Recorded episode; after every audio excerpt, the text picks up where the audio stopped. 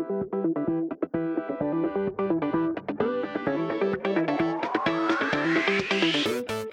og velkommen til Gründerpodden. Podkasten som tar for seg gründervirksomheter og drivkraften som står bak det å være en entreprenør. Har du store drømmer om å starte din egen bedrift, eller kanskje du allerede har startet din egen virksomhet, men trenger litt inspirasjon fra andre som har gått veien før deg? Ja, da har du kommet til riktig podkast. Velkommen til Gründerpodden.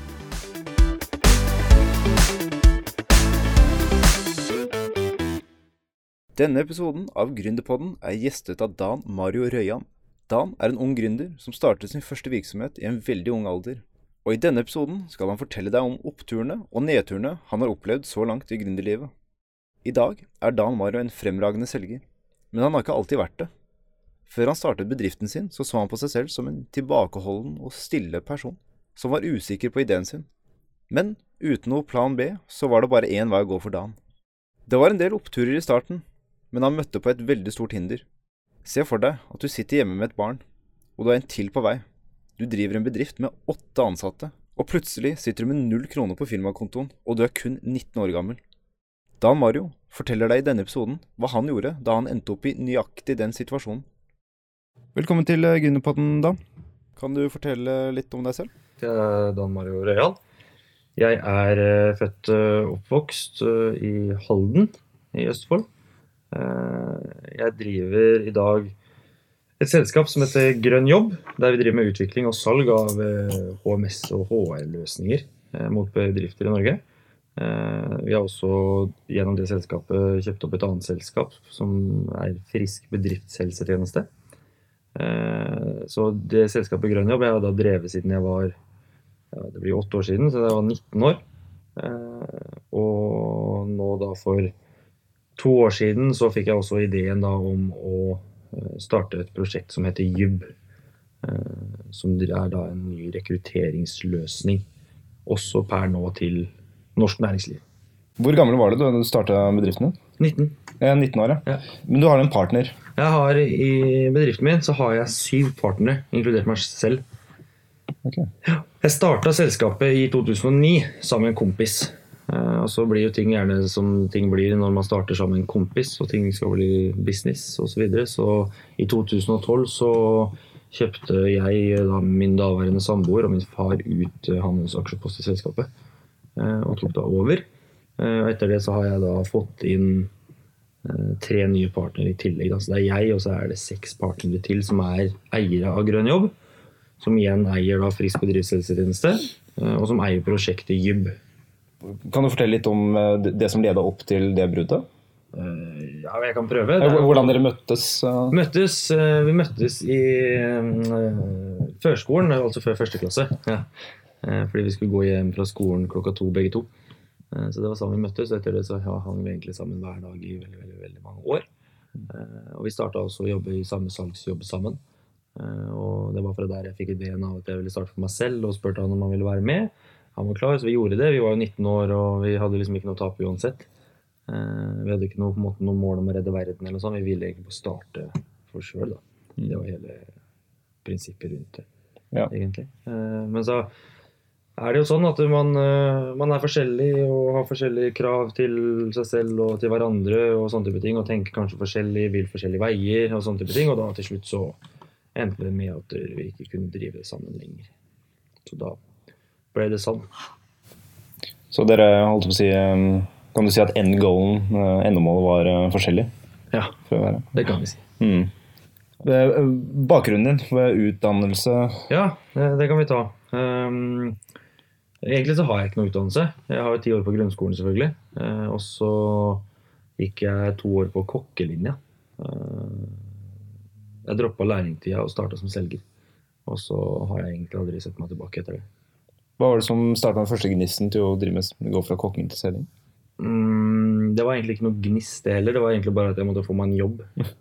Eh, så jeg fikk meg en jobb, og så vet jeg at min far har litt uh, erfaring innenfor salgsbransjen og drevet salgsselskaper og sånne type ting, så jeg ringte jo han og prøvde å få litt råd og sånne type ting. Men eh, jeg fikk gnisten eh, etter hvert, egentlig. Jeg var ikke en av de typiske selgere som kommer og på en måte er de utprega selgerne som er Ja, hvis du kan tenke deg en selger. Jeg var ikke den typen. Jeg var mer den tilbakeholdne, litt redde fyren som helt ikke visste om det her var noe for meg, og litt sånn type ting. Mm. Men etter et par måneder så, så begynte jeg å få det til, begynte å knekke kodene. Eh, Og så gikk det bare én vei, og så ble jeg veldig dyktig i jobben. Eh, Men jeg jobba ikke der mer enn et år før jeg starta for meg selv. Oh, wow. Um, så innen du starta bedriften din, så var det ikke snakk om mer enn et år med erfaring? Nei. Nei. Studerte du på egen hånd? Eh, Ja, det har jo vært veldig mye studer... Jeg ikke hva jeg skal kalle det. Studere, nei, ikke sånn studering på skole eller type nettstudier eller noe sånt. Studiene mine har vel egentlig gått på prøve og feile. Ja. Um, bedriften din, hva går den ut på? Jyb går ut på, det er, en, det er veldig enkelt egentlig. Jyb skal være en eh, plattform for rekruttering en, eh, som er tilpassa den moderne og mobile hverdagen vi lever i i dag. Eh, Så den går ut på at eh, mennesker som både er i jobb og er ute etter jobb, eh, bruker Ryb for å på en måte vise interesse og danne relasjoner med interessante bedrifter og stillinger på markedet. Eh, Og bedrifter har en eh, unik mulighet til å gå på markedet både for å se på passive kandidater som kanskje ikke er ute etter jobb akkurat nå, eh, men danne en relasjon og på en måte begynne en dialog, samtidig som man kan bruke det på en måte for, for å få raskere kontakt med kandidater. Det er det det går i. Mm. Veldig kort forklart. Uh, du er også daglig leder for Grønn jobb. Ja. Kan du fortelle litt hva Grønn jobb går ut på? Ja, litt sånn som jeg sa innledningsvis. Eh, grønn jobb, eh, der driver vi med salg eh, og utvikling av e- Vi driver med utvikling av egne produkter. Eh, de produktene går innenfor eh, helse, miljø og sikkerhet, personal og ledelse. Det er gjerne SAS-løsninger, software-løsninger. Innenfor internkontroll, sykefravær, styringssystemer. IKOMAT IK-mat har vi. Timeregistreringsløsninger. Eh, sånne type ting, da. Mm.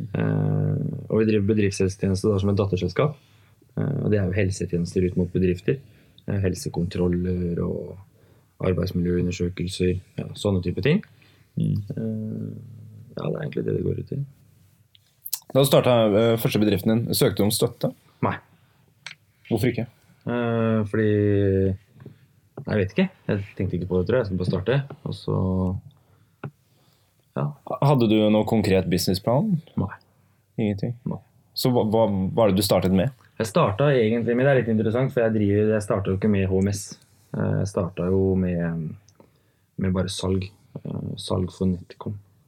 Mm. var det jeg startet med. Eh, Jeg tok med meg en eh, fem personer. Noen som jobba der jeg jobba. eh, Noen venner og bekjente, egentlig. Jeg Leide et gammelt, en gammel butikk. En minibutikk på 70 kvadrat. Og bare smelte inn noen pulter vi fikk, og noen data vi fikk inn der. Og kjøpte noe ålreite headset, telefoner. Og bare satte i gang og solgte mobilabonnement for, for NetCom. Eh, ja. Og det, det gjorde vi veldig bra. Eh, Vi drev ikke med det så lenge heller, for vi fant ut av veldig fort at det kom aldri til å bli noe god business ut av det. Eh, Og eh, det ene førte med det andre, og til slutt så endte vi da med å drive med HMS. Et års tid med forskjellige typer samarbeid og egne kursløsninger og litt sånne type ting. Mm. Fram til vi i 2011 fikk lansert merkenavnet Grønn jobb. Da. Selge nett, Netcom-abonnementløsninger, var det det? Mm. Så du går jo fra det til å Ja, du treffer på en måte bunnen, da, for det gikk ikke rundt, som du sa. Ja, de, jo, det gikk rundt, men eh, jeg driver ikke business for at det skal gå rundt. Jeg driver business for å bygge og Ja. gjøre ting stort. Det er liksom det som er visjonen. Da, da det ikke gikk øh, Veldig mange ville jo bare gitt opp Ja. det gründerlivet der, Mm. entreprenørskapslivet, men øh, du fortsatte videre. ja. Hva, kan, du, har du noe, kan du huske noe fra den tiden, akkurat den lille overgangen, hvor du går fra liksom å være på bunnen og måtte gå opp igjen? Eh, Jeg har vært på bunnen flere ganger, eh, egentlig. Eh, men den gangen så Jeg husker at jeg aldri vurderte noe annet enn å få det til. Det var aldri noe snakk om skal jeg kaste inn håndkle. Det, det har aldri s- på en måte streifa pannebrasken. Mm. Så det eneste jeg gjorde, var å på en måte finne en løsning på problemet, og så eksekute på det. Ja, det har aldri vært et alternativ. Det, det, det er jo en ting jeg hører veldig mye når jeg Ja. snakker med folk som driver egne bedrifter osv. Folk liker jo, og spesielt jeg liker jo å høre mennesker som snakker akkurat den type tingene, den lille drivkraften. Mm. Fordi det er liksom, du, du ser det inn i bøker, eh, fiksjonelle historier, du ser det i filmer. Det er det som virkelig engasjerer oss i hverdagen. For du forklart det på noen som helst måte, sånn at en person i gata kan forstå det?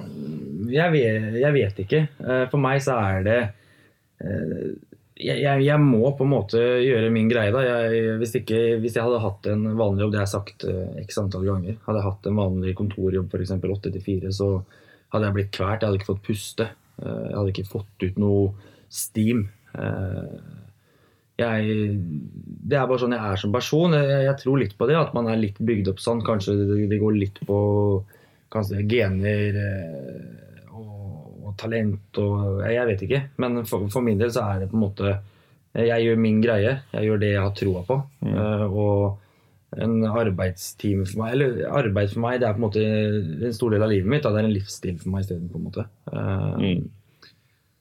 Sånn at jobben er, stor, er livet mitt, eh, og livet mitt er jobben min. Og det er på en måte ikke eh, Jeg tror veldig mange mennesker skiller veldig på jobb og privat, og det er sikkert fornuftig på veldig mange områder eh, også, med familie og det å gjøre andre typer ting, og andre verdier. Eh, For meg så ville ikke det fungert. Eh, Her er det begge deler, både privat og jobb, går i ett.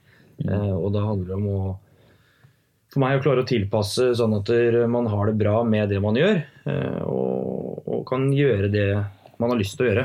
Eh, For det å på en måte eh, For meg å prøve å være vanlig, da, hvis jeg kan kalle det for vanlig, Mm. det er nytteløst. Det er håpløst. Men det er litt interessant akkurat det du sa nå, fordi jeg har jo skrevet opp et spørsmål basert på gulinga. er jo at du er, Nå er artikkelen gammel, men du er en småbarnspappa. Ja, jeg har to barn. Ja, Hvor mm. gamle er de?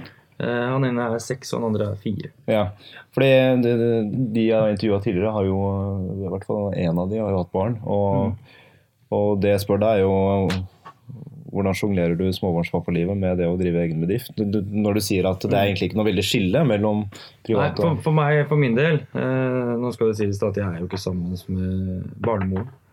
Nei. Eh, og de bor jo da i Fredrikstad, mens jeg bor i Halden. Ja. Eh, og nå begynner jo da eldstemann på skolen, som gjør at jeg faktisk nå i skrivende stund begynner å ha de kun annenhver helg. Ja. Ja. Eh, så det betyr jo da at annenhver helg så tilbringer jeg selvfølgelig tid med de, og bruker den kvalitetstiden vi har. Eh, og så har jeg jo da en del dager fram til jeg ser det igjen, som jeg bruker på det jeg da bruker tiden min på. Ja. Mm. Så, eh, men jeg har også hatt eh, Kall det gründerlivet, eller hva man kaller det for noe, eh, mens jeg har hatt barn. ja. Eh, Og da har det blitt sjonglert med at for det første så må du ha en partner som har forståelse og er enig med deg, og at dere har en felles kommunikasjon og en felles plan Mm. rundt det, tror jeg. Det er veldig viktig. Mm. Eh, Men da var det sånn at jeg jobber fra morgenen til vanlig arbeidstid, hjem til da, da var de små, da veldig små, så de la seg jo senest syv. Eh, Og når da de la seg, så var det rett igjen på jobb igjen og jobbet Ja. i natten, og så opp igjen på morgenen. Og så, så da brukte man på en måte de to-tre timene man hadde midt på dagen da, sammen med de, og så tilbake. Mm. Så det går jo, men man må være forberedt på det og ha forståelse med de man samarbeider med. Hvor viktig er rutiner i det livet du lever? Eh, rutiner er veldig viktig.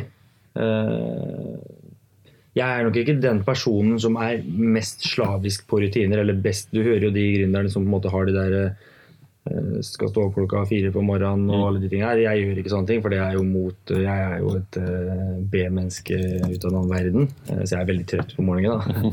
Eh, og føler at jeg presterer mye bedre på kvelden. Eh, så jeg har ikke noen sånne rutiner. Rutinene mine er jo jeg, jeg tror det går på for min del, så handler det jo først om å ha rutiner som gjør at du får jobba nok. Mm. Eh, For det er jo 24 timer i døgnet, dessverre. Eh, Så du må klare å utnytte de 24 timene. Eh, Du må tenke at du trenger, om du trenger 5 timer, 6 timer, 7 timer eller 8 timer søvn, så må du liksom Det med å sove. Mm. Og så må man kanskje spise innimellom og trene. Trene er fornuftig. Mm. Og spise regelmessig.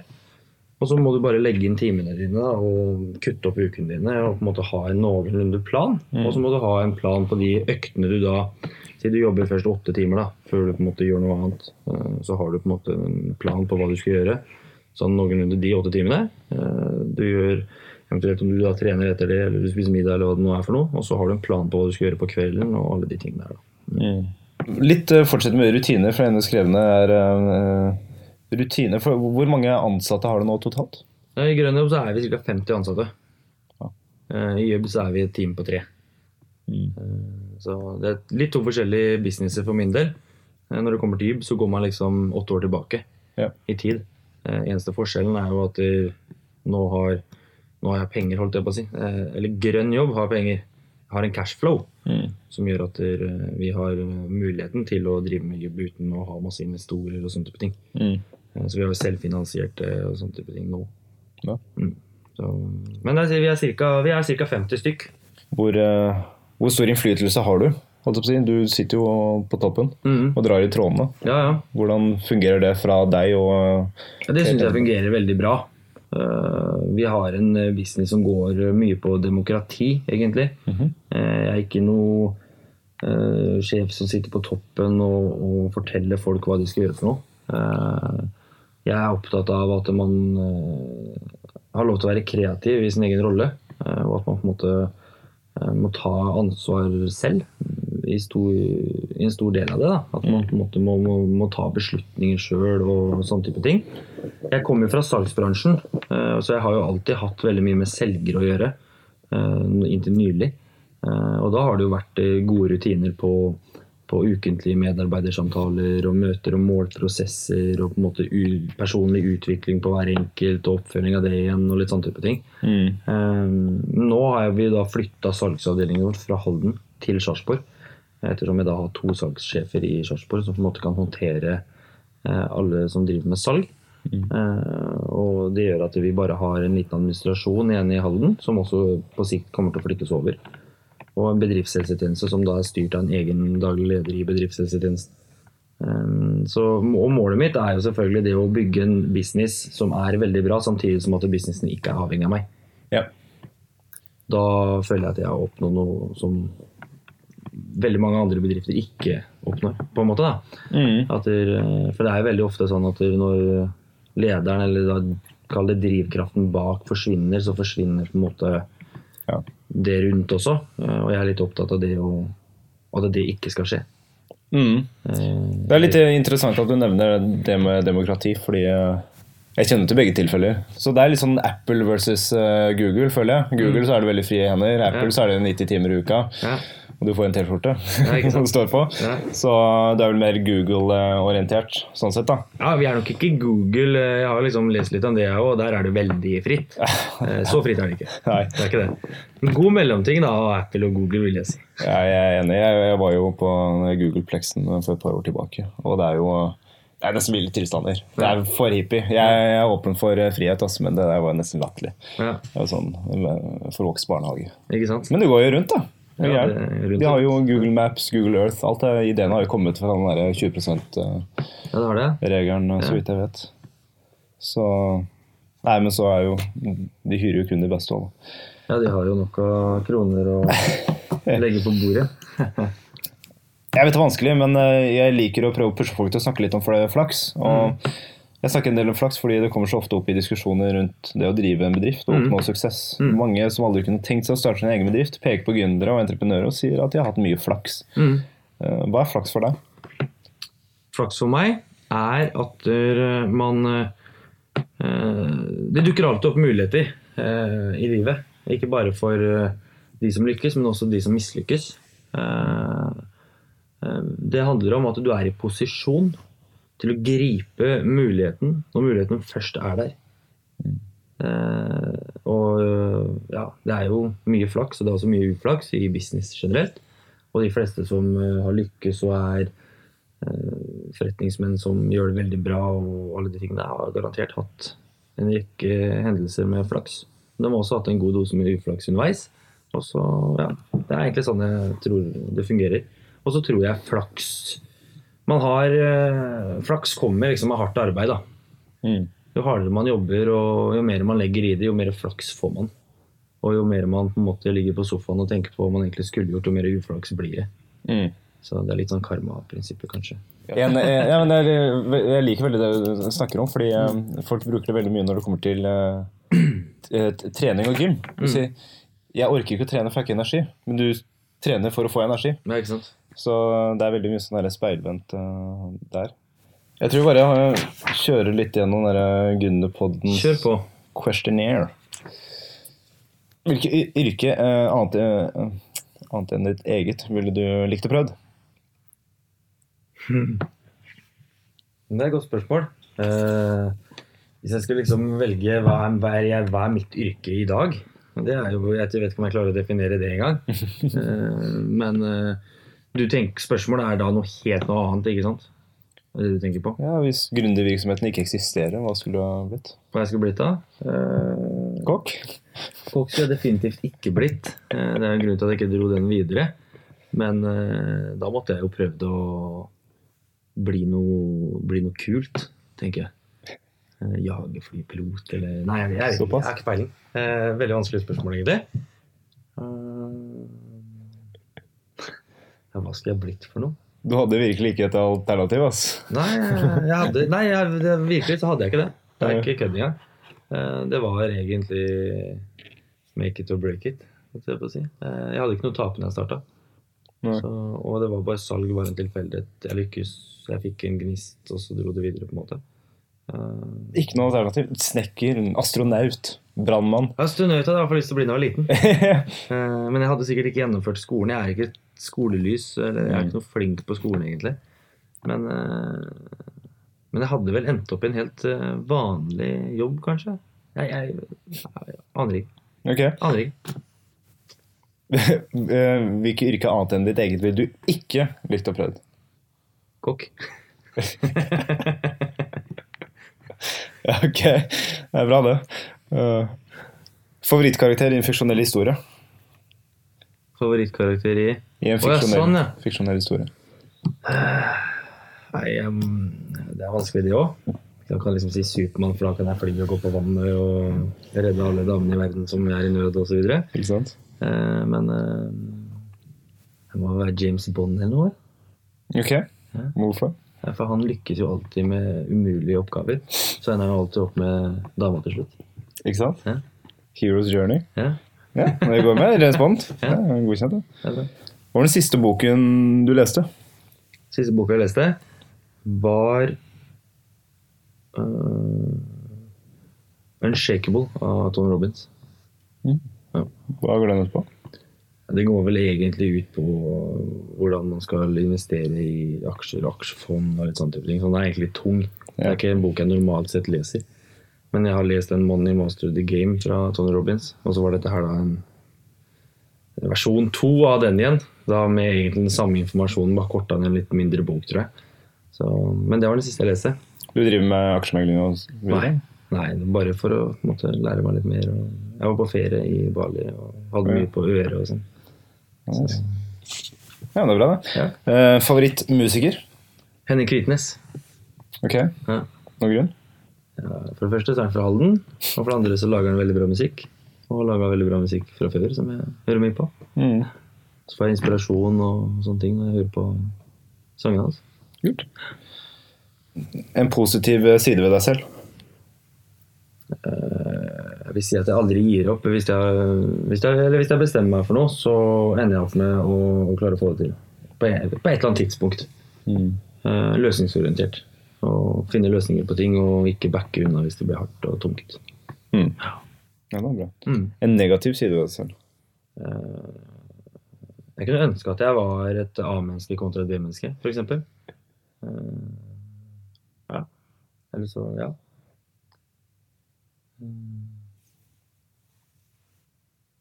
Det er egentlig det. Ja. Før jeg hadde ordna det, da, da hadde det vært helt eh, toppen. jeg kommer ikke på noe annet. Det er sikkert veldig mye annet. Ja, det er garantert. Folk bruker som regel lengst tid på den. Ja. Uh, mest inspirerende person i livet ditt som barn? Som barn så må det være min far. Hva gjør han? Uh, akkurat nå så jobber han i Grønn jobb, faktisk. Mm. Ja. Han er arbeidende styreleder i Grønn jobb, og så er han jo partner i selskapet. Uh, men han har jo vært litt sånn type businessmann eh, før, da når jeg var liten, så jeg på en måte syntes det alltid var spennende, og så opp til hva han drev med, og kontor og dress og slips, og, så jeg syntes det var gøy når jeg var liten, da. Mm. Eh, Så da var det vel og da var det vel ikke så veldig mye andre ting man eh, så opp til på den måten, tror jeg. Så det må være det. Mm. Kult. Mest inspirerende person i livet ditt som voksen? Som voksen Eh, som voksen vil jeg si at det er flere. Eh, Det er jo, for jeg er jo alltid ute etter på en måte inspirasjon, tips, veiledning, råd fra mentorer. Eh, Og mentorer er jo flust av på, egentlig, hvis man bare bruker internett. Mentor i dag vil jo ikke si mentor sånn som kanskje det var før, eller sånn som ordet egentlig betyr. Det bør ikke si at du må kjenne den. Eh, Så det er jo litt sånn Jeg, jeg blir også inspirert av veldig mange av dem jeg jobber med. Sånn som han som eh, er med hit, f.eks., som du hilsa på, Joakim. Mm. Eh, Fordi han har en ekstrem arbeidskapasitet og på en måte foran og får til de mest utrolige ting. Eh, Av andre mennesker i selskapet på en måte som, som hele tiden leverer gode resultater og som, som på en måte jobber og blør for at vi skal nå måla våre og kundene skal bli fornøyde og alle de tingene der. Mm. Eller så er det litt i hvilket stadie jeg er i akkurat eh, nå, f.eks. Om jeg vil høre på folk for å på en måte bare få meg i gang og bare få liksom Tony Robins, f.eks. Han kan være en inspirasjon for, inspirasjonskilde for meg hvis jeg trenger litt trøkk og jeg trenger et slag i trynet og må våkne opp litt. Og, ja, for eksempel. Mm. Du har Gary Vaynerchuk som kommer til Norge i november på Oslo Business Forum. eh, Som jeg hører mye på på podkast, og en utrolig engasjerende, inspirerende fyr. Som kan veldig mye om måte, sosiale medier og hva som kommer til å bli bra, og hva som er på vei ut, og ja, litt sånne type ting. Mm. Eh, Det kan være eh, ja, det, er- det er mange. sant? Petter Stordalen da, i Norge. Eh, Jeg digger jo Petter Stordalen. Syns han Mhm. har gjort en fantastisk jobb. Og bare se på historien hans og lese boka hans og ja, følge han på sosiale medier ikke sant? og bli inspirert da, til å se at det er mulig. Yeah. Jeg skjønner Hvis han klarer det, så kan jeg klare det en måte. ikke sant? Ja. Det er bra, det. Det er, det er mange, egentlig. Det er, ikke, det er liksom ikke én person, og det bytter litt. ja, det var han forrige intervjuet, han, han sa det samme. Det er liksom én person, men han er bare en komposisjon av veldig mange andre. Mm. Um, har du en avhengighet? I så fall, hva er den? Avhengighet. Ja, så Jeg har hørt alt fra kajakk til uh, Jeg jobber, da. Ja. Jeg, har en, jeg er avhengig av å jobbe. Hvis ikke jeg får jobba og gjort ting, så får jeg ikke puste. Da blir jeg kvalt og får helt noia. Um, ellers så er jeg vel ikke avhengig av så veldig mye. Kanskje jeg er litt avhengig av snus, men uh, Nei. Fotball, da. Fotball er moro. Jeg liker å følge med på Premier League. Mm. Jeg er ikke avhengig av det. Jeg klarer meg fint uten. Men eh, det å være avhengig av å jobbe, er det, er, er det det å skape noe, eller er det er det, det at du, du, du vil legge igjen, eh, legge igjen en arv? Er det eh, Alle mennesker hiver jo etter å føle at de, de spiller en rolle i samfunnet. Ja, jeg har jo, jeg har tenkt, jeg har jo tenkt mye på de tinga der. Eh, For jeg har aldri hatt et sånn veldig konkretisert mål. Jeg setter på meg en måte nye mål hele tiden, og de blir alltid bare høyere og høyere og kommer aldri til å nå de uansett, liksom. Mm. Fordi de blir alltid fornyet. Men eh, ja, det er jo det å skape noe. For det første så har jeg lyst til å skape noe som jeg, eh, som både, eller som jeg eh, og hele familien min og alle venner jeg har, som på en måte kan være stolt av at dere har bygd opp. da. Mm. Og på en måte noe jeg kan levere fra meg når jeg er gammel og ferdig på denne jorden. Mm. Videre. Litt, ja, en legacy, på en måte. Det er jeg opptatt av. Men samtidig også at man ikke sant, Jeg er 27 år. Eh, jeg er jo på en måte i oppstarten av livet. Eh, det har så vidt begynt. Eh, nivået jeg er på nå, er veldig mye lavere enn det jeg kommer til å komme på. Og jeg ønsker å være på et nivå der jeg også kan bidra da, med en betydelig del i samfunnet. både i innland og utland. Sånn at jeg på en måte kan ha Det blir litt sånn at man, man kommer i posisjon til å kjøpe seg sjøl god samvittighet til slutt, kanskje. Det er noen som kanskje velger å si det sånn, da, men det hadde jeg syntes vært en Det hadde gitt meg en eh, god følelse. Mm. Ja, det ble svar. Hvis du visste at du skulle dø innen en uke, hvordan ville du ha brukt den siste uken din på? Hvis jeg skulle dø innen en uke, Ja. Da hadde jeg vært sammen med barna mine. Mm. Jeg hadde ikke rukket å på en måte gjort så veldig mye på en uke. Jeg kunne sagt hvis jeg skulle dødd innen tre år, så skulle jeg gjort sånn og sånn for å på en måte gjøre alt klart for at jeg leverer fra meg noe som er fantastisk. Men i en uke da hadde jeg bare vært sammen med de hver dag. Den Mm. uka. Ja. Ja, det er jeg da. Siste spørsmål. Hvis himmelen eksisterer, hva vil du at Gud skal si til deg når han møter deg ved perleporten? Hva Gud skal si til meg, ja. Håper jeg kommer dit, da. Eh, nei jeg syns han skal si at der, uh, Jeg er jo egentlig ikke så veldig kristen av meg, så jeg har liksom ikke noe forhold til om det fins en himmel, men si at den fins, da. Da vil jeg at Gud skal fortelle meg at jeg har gjort en eh, god jobb på jorden som eh, eh, At jeg har gitt mye tilbake. Eh, Og at jeg på en måte er i the top of 1 Bra, den. Ja. Kan du fortelle oss den største utfordringen du føler du har møtt på i gründerlivet ditt? Det var jo når vi starta selskapet i 2009. Eh, Vi fikk, hadde første dag, salgsdag, 14.4.2009. Vi starta veldig bra. Mm, For det var flere kontorer som med, som vi konkurrerte mot i Norge, bl.a. Oslo, Stavanger, Bergen, Trondheim og sånne type ting. Eh, Ut ifra antall personer vi hadde nede i Halden, så leverte vi toppresultater måned etter måned. Eh, vi jobbet eh, i noen måneder fram til jeg da fant ut at jeg, ville ikke drive noe mer med det. For kom å, det kom aldri til å bli noe business uansett hvor flinke vi ble. Eller en god nok business til sånn at jeg ville drive den. Eh, Så vi bare hoppa over og tok et samarbeid eh, angående noen HMS-produkter eh, med en svensk person. Eh, som da endte med at eh, Og da hadde vi jo ikke en, den største likviditeten i verden, så det var ikke så mye penger på bok. Men vi hadde en del ansatte. Vi var en åtte ansatte eh, på den tiden. Mm. De jobba på ren provisjon også. Eh, eh, Så vi starta da et samarbeid med han svensken, og det endte med at vi skulle få penger for salgene våre den ene uka. Så sa han at nei, hvis vi venter til neste uke, så, så er det nok flere som har innbetalt, så dere kan få mer. Ja, ok, det er greit. Og så en uke til, og så en uke til. Og så endte det jo da med at eh, jeg skjønte jo det at de, de pengene kom jeg aldri til å få.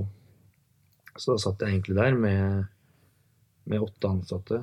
eh, Null kroner på kontoen. Eller det var sikkert noe, da. Men de skulle jo ha litt. Eh, Så det endte med da at man måtte fortelle de situasjonen. mm, Og si at dere, vi eh, Og for å spare eh, på en måte penger, så ga vi forskudd til alle sammen.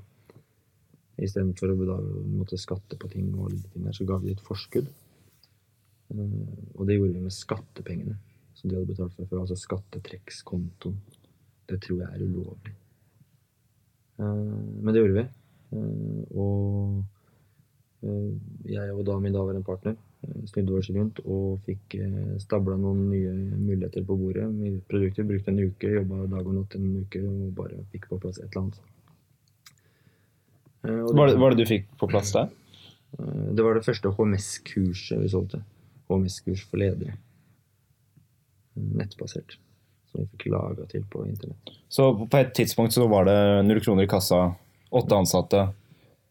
Dere må skifte fullstendig retning? Eller Ja, ikke fullstendig. Vi drev jo med vi, vi, HMS? ja. HMS med, i det samarbeidet, så det vi egentlig gjorde, var å stjele produktet hans. Han betalte ikke vårs for jobben vi gjorde, som gjorde at vi satt i en posisjon uten å kunne betale ut lønn. Mm. Så da fikk vi tak i noen som da kan lage ting på nettet osv., og, så videre, og lagde innhold og sånne type ting i samarbeid med kompetente mennesker som vi da Vi var jo unge, så vi fikk veldig mye, mye, egentlig mye hjelp. og Folk syntes det var morsomt at vi starta og det var kult og hjalp oss gratis. og Det var veldig sann den tiden. Eh, Så vi fikk mye hjelp, som jeg er veldig glad for i dag. Eh, Men vi da fikk vi snudd det, fikk laga ting på en ukes tid. Fått opp nettsider og så videre. Og dro folk tilbake på jobb. Eh, og det var vel i november. Eh, så da snudde vi faktisk på et par måneder et ganske For den tiden så det, det var et par hundre tusen i minus, tror jeg. Og det var veldig mye for oss i 2009. Eh, for vi hadde vel en omsetning på kanskje 1,8. Eh, og snudde det til et plussresultat på et par hundre tusen på to måneder. Så det, det var litt av en snuoperasjon, og det kunne jo gått feil vei. Eh, Og da tror jeg jeg også hadde endt opp med å få straff på bakgrunn av skattepengene som ble brukt opp. Hva lærte du av hendelsen? Jeg lærte at eh, man ikke skal stole blindt på folk. Eh, Og så var jeg, jeg var jo 19 år, da. Så, eller da hadde jeg kanskje blitt 20, faktisk. Jeg fyller jo i oktober. Eh, Men at man ikke skal stole på alle mennesker hele tiden. Men jeg tror også at en 19 år gammel gutt som ser ut som han er 14, kanskje ikke får like mye respekt som en som er 30, f.eks. Så jeg tror eh, det, Og det var jo det var jo en utfordring i starten også, å få respekt i, i næringslivet.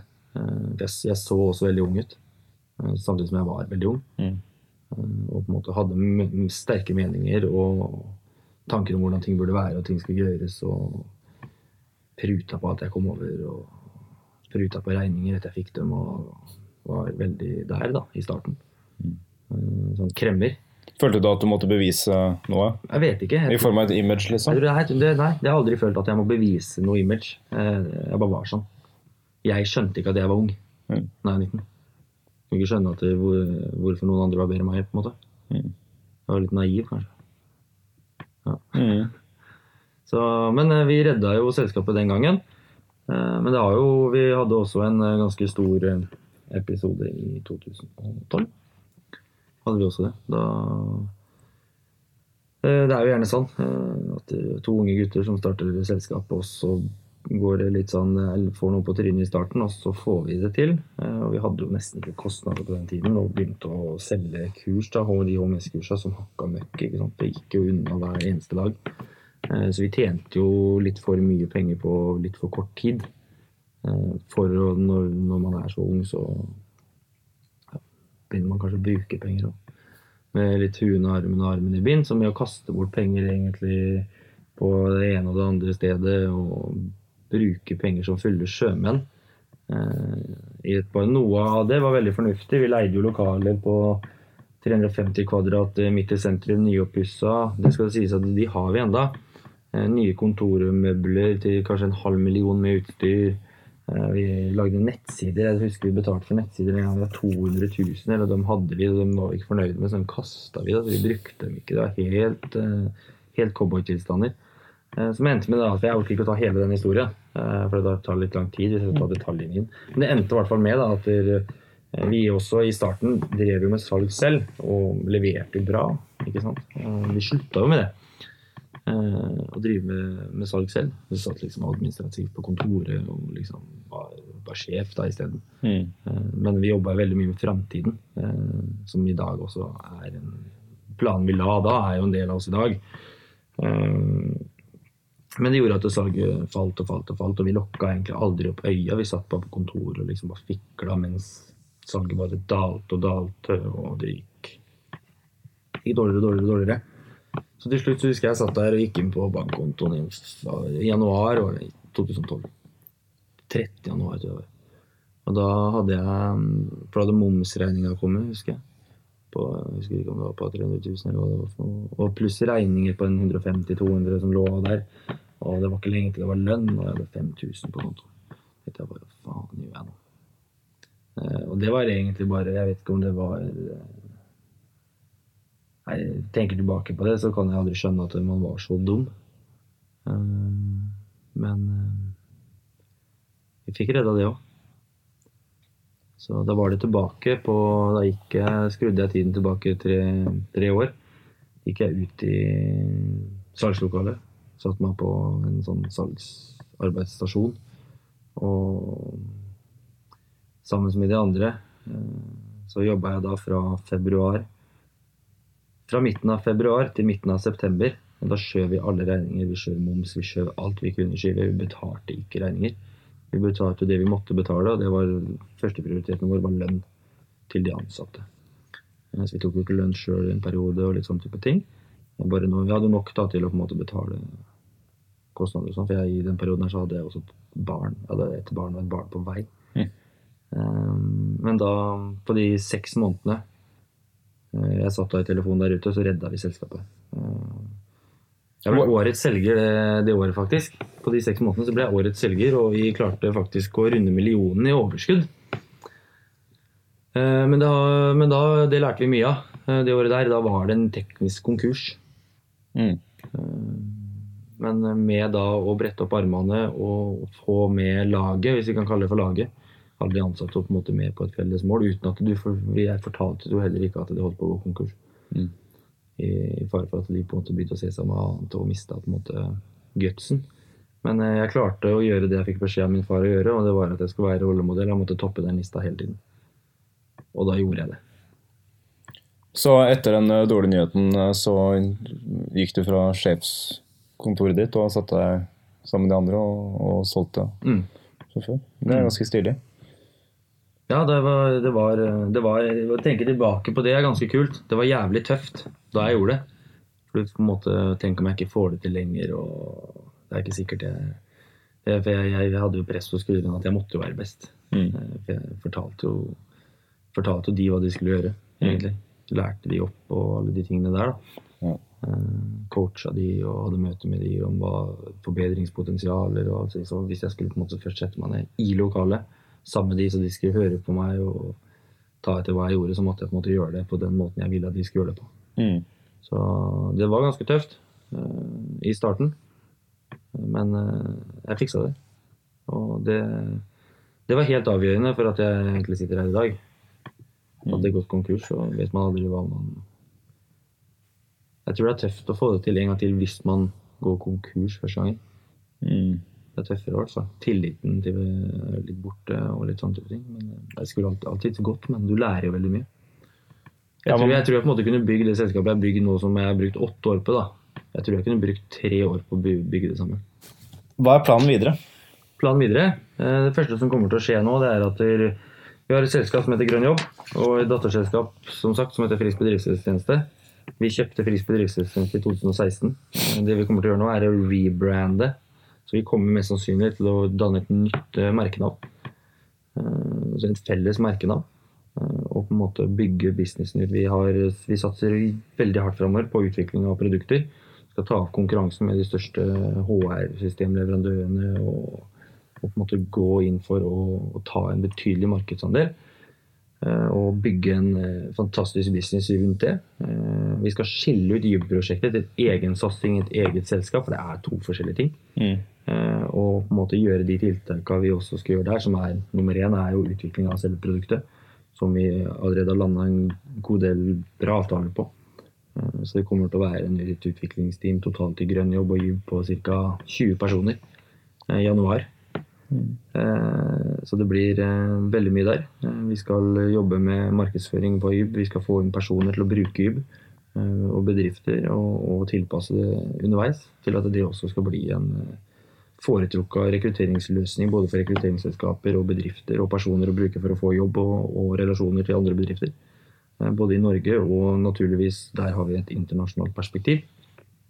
Og, og ved å lykkes med eh, så har vi også sett på muligheten da til at vi hek hekter da det grønn jobb-konseptet vårt på Jyb, også i utlandet. Ikke at det blir samme selskapet, men at det, er en veldig fin Jeg tror Jyb er en enklere måte å gå internasjonalt med, og det er noe vi kommer til å gjøre og noe vi kommer til å klare. Mm. Uh, og ved at vi da sier vi lykkes da i Sverige, da, bare for å ta et eksempel, eh, med Jyb, få tillit hos bedrifter til rekrutteringsløsning, så tror jeg vi det gjennom Jyb kan koble på Grønn Jobb sine HR- og HMS-løsninger mot de bedriftene igjen, eh, for å skape kundegrunnlag også i utlandet. Så det målet, det liksom store, den store visjonen, ambisjonen, det er egentlig å dra to bedrifter på én gang eh, i løpet av de neste årene internasjonalt. Ja, Ja. det er ganske heftig.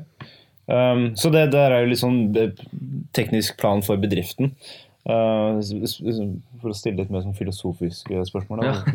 Hvor er du om ti år? liksom? Hvor, hvor er du i fremtiden? Eh, det er et godt spørsmål. Selvfølgelig er du, du driver jo de stedene, men tenker sånn, ja. Ja. Eh, Forhåpentligvis så driver jeg de stedene. Man vet aldri hva som skjer. Muligheter kommer og muligheter går, og, og, og ting endrer seg så ekstremt raskt. Eh, Det er litt som eh, jeg sa i avisa her om dagen også, at jeg sikkert, det målet jeg satte meg da når jeg starta selskapet, det er helt sikkert klart allerede. Og jeg har sikkert klart de tre målene jeg satte etter det òg. Så det er på en måte jeg setter meg mål fortløpende hele tiden for å ha noe å gå etter, og noe som på en måte er ganske nærme. Så har du en sånn der ekstrem visjon da i enden, som på en måte egentlig bare er litt sånn blurry i bakhodet ditt. Mm. Det er i hvert fall sånn jeg funker. Eh, Men eh, om ti år da, så er jeg en eh, mye mer rutinert eh, fyr. Eh, Jeg er flinkere på det meste. Eh, Jeg er selvfølgelig mer voksen. Eh, Men mest sannsynlig så håper jeg jo at jeg, jeg fortsatt eh, driver og leder eh, to internasjonale selskaper med stor suksess. ganske bra. Um, egentlig bare to ting jeg vil snakke om nå. Ja, Før vi, um, tips til de som har lyst til å starte sin egen bedrift. ja. Eh, Nå snakker vi personer som aldri har satsa på noe. Folk som elsker å være ansatte. Selv om de hater jobben sin, men de elsker å være ansatte, for det er trygghet. ja. Så det, det gir ikke mening, men sånn Ja, er det, det. første jeg tror? Spørsmålet er jo Først må du definere hva målet ditt er med å faktisk starte med deg sjøl. Starte for deg sjøl, mener jeg. Um, er det for å på en måte være din egen sjef, få ting til å gå rundt og på en måte ha, en he, ha det helt akkurat som du skulle vært ansatt, så er det jo Det er jo noe mer jobb uansett, eh, men det er jo mindre eh. Først må du sette deg inn liksom, hva er visjonen og kanskje hva, hva, hva vil du oppnå med det. Eh, og så må man forberede seg på at du jeg mener i hvert fall det at hvis man skal gå inn og være gründer, entreprenør og på en måte bli en, ja, en sånn type person, hvis man kaller det for det, eh, så må man tenke det at det ikke er. Det er ikke trygghet. Det er ikke en jobb. Eh, Det er utrygt, det er risikabelt. Det er, eh, det er en livsstil. Eh, Du må, ha, du må ha gjennomføringskraft. Du kommer til å få deg ekstreme, ekstremt mange knyttnever rett i trynet. Eh, Og du kommer til å gå på smell etter smell, og du kommer til å gå på feil. Så du må ha en Du, du må på en måte tåle motgang. Eh, Du må ha gjennomføringskraft, motstandsdyktighet. Bygge relasjoner underveis. Du må være tålmodig. Ting kommer på en måte ikke Jeg har aldri vært tålmodig. Jeg har begynt å bli litt mer tålmodig nå, for jeg vet at jeg, hvis jeg er tålmodig, så vet jeg at jeg klarer å bygge det suksessivt oppover. Mm.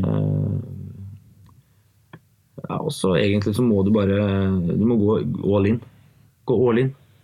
Og bare bestemme deg for at Har du troa på det du har lyst til å drive med, så start det. Gå all in. Gjør det. Det verste som kan skje, er at du mislykkes. Mm. Det er ikke noe sånn du, det er ingen som har tatt livet av deg.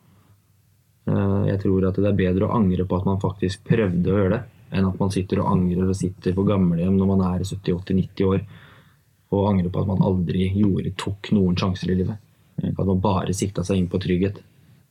Da tror jeg man eh, Jeg tror det er tristere tilværelse enn at man faktisk har Om du, om du mislykkes, så har du i hvert fall prøvd. da. Du har i hvert fall mislykkes hvis du ikke prøver. Mm. Hvor viktig er image for deg? Før, når jeg bare drev grønn jobb, så hadde jeg aldri noe sånn imagefokus. Jeg hadde bare fokus på å prøve å få de riktige ansatte og få de riktige personene med på laget og på en måte gjøre min greie. Uten å på en måte se for mye hva andre gjorde, for jeg visste ikke hva andre gjorde. Jeg hadde liksom min måte, jeg tenkte at det her er sånn klarer jeg å bygge business. på en måte, det her blir bra. Mm. Etter hvert så har jeg faktisk fått mer fokus på det. Eh, Mer fokus på en måte også brande meg sjøl, for jeg tror det er enklere å brande en person eh, enn en, en, en logo, en merkevare. Eh, og uansett hvordan man vrir og vrenger på det, så er, jo, er det jo personen bak selskapet som gjerne blir ansiktet utad også for selskapet. Eh, men jeg har valgt å være meg sjøl. Ikke tenkt at jeg må opptre slik og sånn, eller være på den eller den måten. og sånne type ting. Men eh, jeg er meg sjøl, men vi har fått mer fokus da også med hjelp av Joakim, som er en kreativ sjel. Eh, Så vi lager jo mye videoer og eh, som filmer jo nå. Eh, Og, og på en måte viser Prøver å dokumentere litt hvordan hverdagen eh, vår er. da. Eh, Det syns jeg kan være viktig, med sånn personal branding. Eh, Og som jeg tror på lang sikt vil være eh, å være med på å gi eh, både meg og, og mine selskaper muligheter som ellers ikke ville komme gjennom at man, man får mer kjenne, mennesker får mer kjennskap til deg. Eh, Mennesker du kanskje vil ha relasjon til som du ikke vet om, får vite om deg gjennom internett. eh, Tar kanskje kontakt med deg. Eh, Du blir Eh, Jeg har- blir jo invitert til å holde en del foredrag på sko, høyskoler f.eks. Danne kontakter bedre. Så jeg har mye mer fokus på det nå. Uten at jeg har en håndbok på hvordan imaget mitt skal være, så er jeg meg sjøl, men jeg det blir mer promotert, på en måte. Mm. Takk for at du ble med på Gründerpodden, Dan. Hjertelig takk. Hvor kan eh, folk eh, finne ut mer om deg og bedriften din? Eh, Det er jo da på sosiale medier. Både på Grønn jobb og på Jubb. Eh, Nå er det jo mest eh, dokumentasjon om hverdagen på Giv. Vi har jo en egen vlogg blant annet, som vi har begynt med nå rett før sommeren. Eh, Der har vi daglig vlogg da, på hva som skjer, som er klippa og limt sammen med musikk og effekter. Og den begynner å bli ganske kul, faktisk. Det hadde vært kult hvis man fulgte med litt på den og ga oss tilbakemeldinger. Mm. Eller så er det sosiale medier, og det er bare å adde kontakt eller skrive til meg hvis man har spørsmål eller hva som helst. Det er sånn verden funker i dag, så man skal ikke være redd for det. Mer om Dan og selskapene hans finner du på jybb.no. Det var alt for denne gang. Vi ses i neste episode av Gründerpodden.